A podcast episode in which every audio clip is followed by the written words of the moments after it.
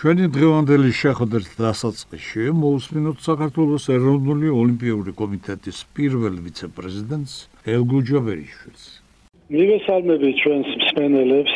წელს შესრულდა 70 წელი მას შემდეგ, რაც საქართველოს საბჭოთა კავშირის ნაკრების შემადგენლობაში მონაწილეობა მიიღო ოლიმპიურ თამაშებში.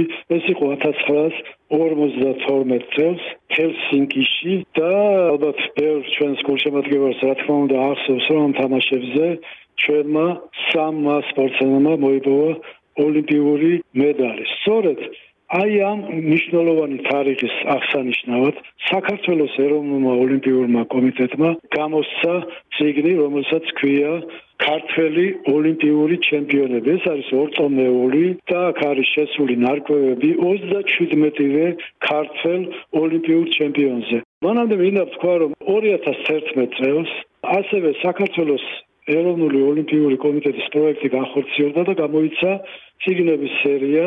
33 ციგნი გამოვიდა. მაშინ ამდენი ჩემპიონი ყავდა იმასაც ვიტყვი ამ პროექტის ავტორი და მთავარი რედაქტორი ამ ციგნებისა მე ვიყავი და აი ამ პროექტში გაერთიანებული იყო არაერთი ძალიან ცნობილი წერალი და სპორტული ჟურნალისტი ფაქტიურად ყველაზე თავარი პერსონები აი ამ დარგში სპორტულ ჟურნალისტიკაში. აქ არის გაერთიანებული ნარკოები რომლების ავტორები არიან მე მინდა ჩამოვთვალო ნუგზარ შატაიძე, ალთერნატ გურასაშვილი, გიორგი ჩოშიშვილი, სამწუხაროდ ეს სამი ავტორი უკვე გარდაცვლილია.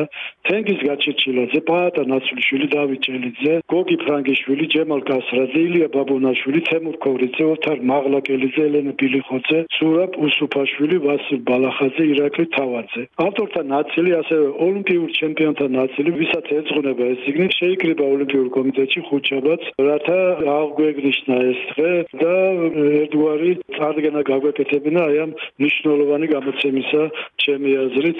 ეს არის ციგნი სადაც გადმოცემულია ქართული ოლიმპიური მოძრაობის თავგადასავალი ყველაზე წარმატებული ქართველი ოლიმპიების ბიოგრაფიები დაწყებული დავით სიმაკურიძიდან დამთავრებული ლაშა ბექაურამდე რომელმაც შარშან ტოკიოში როგორც გახსოვთ მოიპოვა ოლიმპიური ჩემპიონის ტიტული. ბუნებრივია აი ამ წლების განმავლობაში ბევრი რამ შეიცვალა და სწორედ ყველა ცვლილება რაც სპორტსმენთა ბიოგრაფიებში ხო ახალ ოლიმპიურ ჩემპიონებს ყველაფერი ბუნებრივია გათვალისწინებულია და ასახულია აი ამ ორტომეულში რომლის პრეზენტაციაც კიდევ ერთხელ მეორე ხუთშაბათ შედგა საქართველოს ეროვნულ ოლიმპიურ კომიტეტში.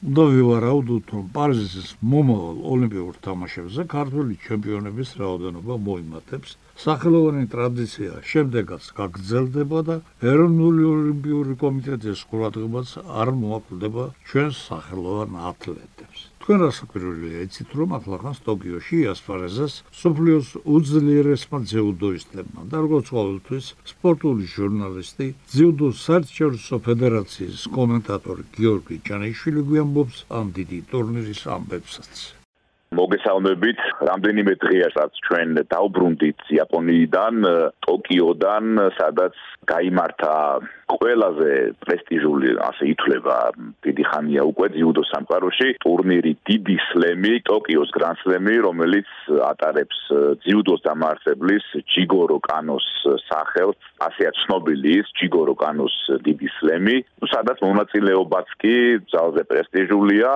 და ძალიან რთულია ტოკიოს დიცლემზე მედლის აღება, რადგან იქ წონაში 4 იაპონელი ასპარეზობს და ისეთი დიდი კონკურენცია არის და ისეთი ორთაბრძოლებია იქ რომ ძალიან რთულად ითვლება ზოგადად იაპონიის დიცლემზე, ტოკიოს დიცლემზე მედლის აღება. სწორედ ამიტომ არის რომ ყოველთვის სამ ქართველს აქვს მოგებული ტოკიოს დიდი სლემი სასიხარულოა და კარგია ის რომ ლაშა ბეკაურმა სწორედ ჩვენმა ოლიმპიურმა ჩემპიონმა 90 კილოგრამამდე წონის კატეგორიაში მოახერხა და გახდა ბრინჯაოს პრიზიორი ტოკიოს დიდი სლემის. ხუთი ქართველი გოგონა ჩაერთო ამ ტოკიოს გრანდსლემზე პირველად ისტორიაში ახლა არის გადასული ინტერესი იმაზე რომ გოგონებმა მიიღონ მეტი გამოცდილება. სხვა შორის შემდეგ დაარჩნენ ჩვენი გოგონები ტოკიოში. ერთობლივი წვრთნები გაიარეს მათ ერთი ტურნირი დარჩა დამაგვირგვინებელი ყველაზე პრესტიჟული ქულების მხრივ დაიგნის შესაძლებლობითაც ეს არის მასტერსი რომელიც გამართება 20-22 დეკემბერს იერუსალიმში პირველად ისტორიაში ისრაელი უმასპინძლებს მასტერსს ეხლა რა არის ეს მასტერსი? მასტერსზე მონაწილეობას იღებენ მხოლოდ საუკეთესონი, საუკეთესოთა შორის. საქართველოს ნაკრები ძალზე ძლიერი შემადგენლობით გამგზავრება იერუსალიმში. აქ კიდევ ერთ მომენტს გავუსვათ ხაზი, შესაძლოა კლავ განმეორდეს ძიმეწონოს ან სპორტსმენთა შეხვედრა, დარეგისტრირდა იერუსალიმის მასტერსზე ასევე ფრანგი ლეგენდა ძიმეწონოსანი იუდოვისტი კედი რინერი, ასე რომ შესაძლოა კლავ შეხვდნენ ერთმანეთს ტედირინერი და გურამ თუშიშვილი ნახოთ კულმინაცია შეიძლება ძალიან საინტერესო იყოს 2022 წლის ფინალი არის შეიძლება ითქვას ეს სოფლიო ტურნესი. ამით თავდება წლევანდელი სეზონი. წინ როგორც ვხედავთ ძიუდოს გულშემატკივარ ძალიან საინტერესო შეჯიბრი არის იერუსალიმში რომელიც 20-22 დეკემბერს გამართება იაპონიიდან ინდოეთში გადავიან სულ სადაც სოფლიოს უძლიერესი მოჭადრაკე ქალები პრესტიჟულ ტურნირზე ეცილებოდნენ საპრიზო ადგილებს სულ რამდენიმე დღის წინ კალკუტიდან დაბრუნდა დიდოსტატი ნანა ზაგნიცე მივესალმები რადიოს მსვენელს. ინდოეთის ქალაქ კალკუტაში მონაწილეობას ვიღებდი. ტატა სტილის მიერ ორგანიზებულ ქალთა მამაკაცთა რაპიდსა და ბლიც შეჯიბრებაში. ეს ტურნირი პირველად იყო ორგანიზებული ქალთა შორის, მანამდე მამაკაცთა შორის ტრადიციულად რამოდენიმე წლის განმავლობაში ტარდებოდა, თუმცა ქალთა შორის წელს ეს იყო პირველი პრეცედენტი. მონაწილეობას ვიღებდით მსოფლიოს ტოპ მოჭადრაკე ქალები, 10 მოჭადრაკე წრიული შეჯიბრება იყო რაპიდსა და ბლიჩში. რაპიდში ვითამაშე, მე ვფიქრობ, ძალიან კარგად გავიყავი პირველი ადგილი. უკრაინელ მოჭადრაკესთან ერთად უარესი კოეფიციენტის გამო გავედი მეორე ადგილზე. შედეგით ძალიან კმაყოფილი ვარ. ზოგადად ტატა სტილი ეს არის ინდური კომპანია, თავის სფეროში მსოფლიო მასშტაბით ლიდერი და ის ტრადიციულად ყოველწლიურად შეჯიბრებას ატარებს ჰოლანდიაში, სადაც სოფლიოს ტოპმოჭადრაკეები იღებენ მონაწილეობას. თუმცა აი ამჯერად ესე გადაწყვიტეს, რომ თავიანთ სამშობლოში ინდოეთში გაუწიონ ჭადრაკს პოპულარიზაცია და ესე შეგვიყვეს სოფლიოს წამყვანი მოჭადრაკეები და მიგვიწვიეს კალკუტაში, სადაც მათი თავარი ცენტრალური ოფისი არის. ტურნირი მეტად პრესტიჟული არის, ცნობილი ძალიან ჩვენ სფეროში მოჭადრაკეები, რომლებიც ტატა სტილის მიერ ორგანიზებულ შეჯიბრებაში იღებენ მონაწილეობას, მათთვის ეს ძალიან პრესტიჟულად ითვლება. იმიტომ რომ როგორც წესი ისინი ძალიან კარგ პირობებს უქმნიან მოჭადრაკეებს და საპრიზო ფონდიც ყოველთვის გამორჩეული არის. და მინდა აღვნიშნო ის ფაქტიც რომ ამ შეჯიბრებაზე ახლა კალკუტაში პირველი პრეცედენტი მოხდა ის რომ მამაკაცთა საპრიზო ფონდი და ქალთა საპრიზო ფონდი იყო ერთი და იგივე. ბოლო პერიოდში ქალთა ჭადრაკით ძალიან განვითარდა და მე ვთვლი რომ ჩვენი საპრიზო ფონდი პრესტიჟულ შეჯიბრებებზე დაახლოებით თანაბარი უნდა იყოს გამორჩეული წარმატება იყო ეს წარმატება რომელიც კალკუტაში მივაღწია რამდენიმე დღის წინ ამ წლის განმავლობაში ჩემთვის. თუმცა დაახლოებით სამ კვირაში ახალი წლის წინ ჩვენთვის გამართება სოფლიოს ჩემპიონატი რაპიდსა და ბლიჩში ყაზახეთის ქალაქ ალმატში. ეს ტურნირი ჩატარდება 25 დეკემბრიდან 30 დეკემბრის ჩათვლით. და ჩემი შემდეგი შეჯიბრება იქნება ეს და ამისთვის დარჩენილ პერიოდს აუცილებლად გამოვიყენებ, რომ მაქსიმალურად ოპტიმალურ ფორმაში შევხვდე და მაქსიმალურად კარგი შედეგი ვაჩვენო. ახლა კი ფეხბურთის დროს დადგა, როგორც იქნა ჩათავდა ქოჯგუფების შეხვედრები, მერვე ფინალებმაც ზოგიერთი ფავორიტი შინგაესტუმრა და მეოთხედ ფინალების ორი დღეც მოვიდა. ჩვენი ბათუმელი მიმონხილველი გია ცანავა. მივესალმები ჩვენს რადიო მსმენელებს. დავიწყოთ ჩვენი საუბარი იმით, რომ ნელ-ნელა ფინიშისკენ მიდის მსოფლიო ჩემპიონატი კატარში და ალბათ დამეთანხმებით ყველანი, რომ სიურპრიზების გარეშე ამ ჩემპიონატს არ ჩამოვლია. არც ჯგუფურ ეტაპში, არც მერვეთ ფინალში და მეოთხეთ ფინალებშიც ალბათ ალბათ რაღაც სიურპრიზი გამოცხება. ამის თქმა ძნელია, მაგრამ ყოველ შემთხვევაში მეოთხეთ ფინალები ეს ისეთი თამაშებია, რომლებიც უფრო და უფრო დაძაბული, უფრო და უფრო ამოუცნობი და უფრო და უფრო საინტერესო საყურებელია. მოხდა ის, რასაც ნამდვილად არ ველოდი პირადად მე, როგორც ესპანეთის აგრების გულშემატკივარი, ამდენად ვჯეროდა იმ ახალგაზრდა ბიჭების, რომლებიც საოცრად კარგად თამაშობენ, მაგრამ როცა გოლი ვერ გაგაკ, მე ხდება ის, რომ მეორე გუნდი ჩადგება კარებში 11 კაცით და გოლის გატანა ყველაზე ძნელია და ვერ გაიტან მე 11 მეტრიანები და ეს უკვე ლატარეა და სუფთა იღბალი და ამის შედეგად ჩემთვის ყველაზე სიმპათიური გუნდი სახში დაბრუნდა. გერმანელებიც წავიდნენ დატოვეს ჩემპიონატი ვადაზე ადრე გაცილებით ადრე ვიდრე ვინმე წარმოიდგენდა.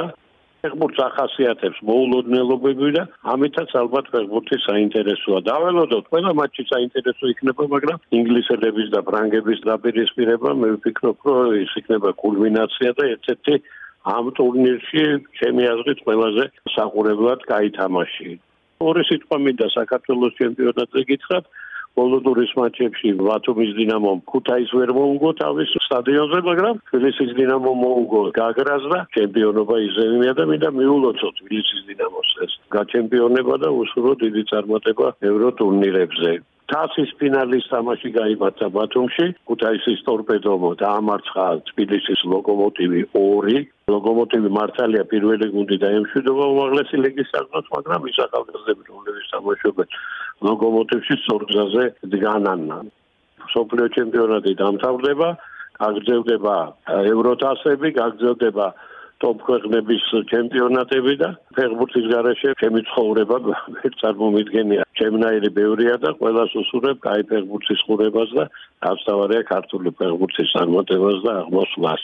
ალბათ მიაქციეთ კიდეც ყურადღება, რომ არ გაწუხეთ ჩემი მოსაზრებებით, გუნდების შეფასებებით თუ პროგნოზებით, რადგან გაუმართლებლად მიმარჩნია არასაფეხბურთო ქვეყნებში სოფლიოს ჩემპიონატის ჩატარება.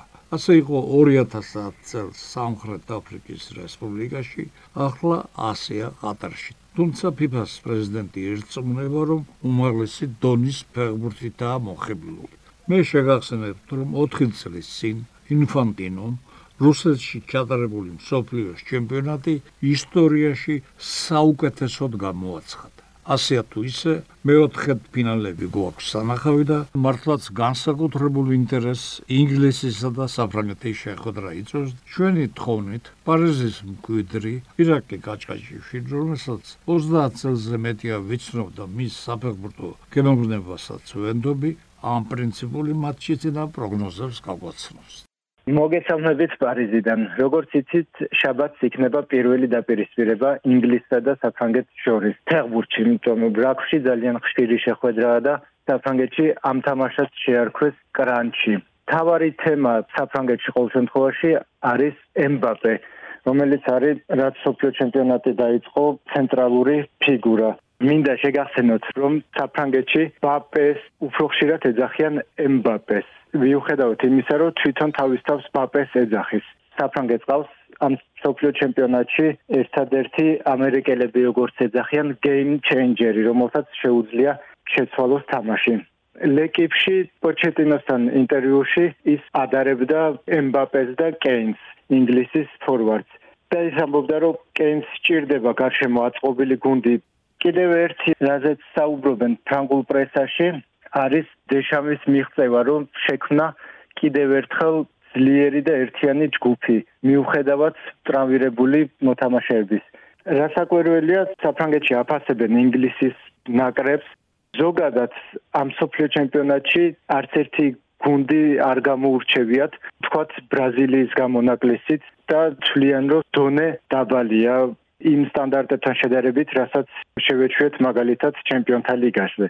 მაგრამ ჯერ კიდევ მთავარი თამაშები დარჩენილია და კიდევ შესაძლებელია რომ ეს განწყობა შეიცვალოს რაც უფრო წინ წავა მსოფლიო ჩემპიონატი და დაუახლოვდებით ფინალს პარიზიდან გვესაუბრა ირაკლი გაჭაჭიშვილი ახლა კი შეგახსენებთ რომ პარასკევსა და შაბათს მეოთხედ ფინალებია ნუ ინერვიულებ ჯანმრთელობას გაუფრთხილდით და ერთ კვირაში ისევ შევხვდეთ ერთმანეთს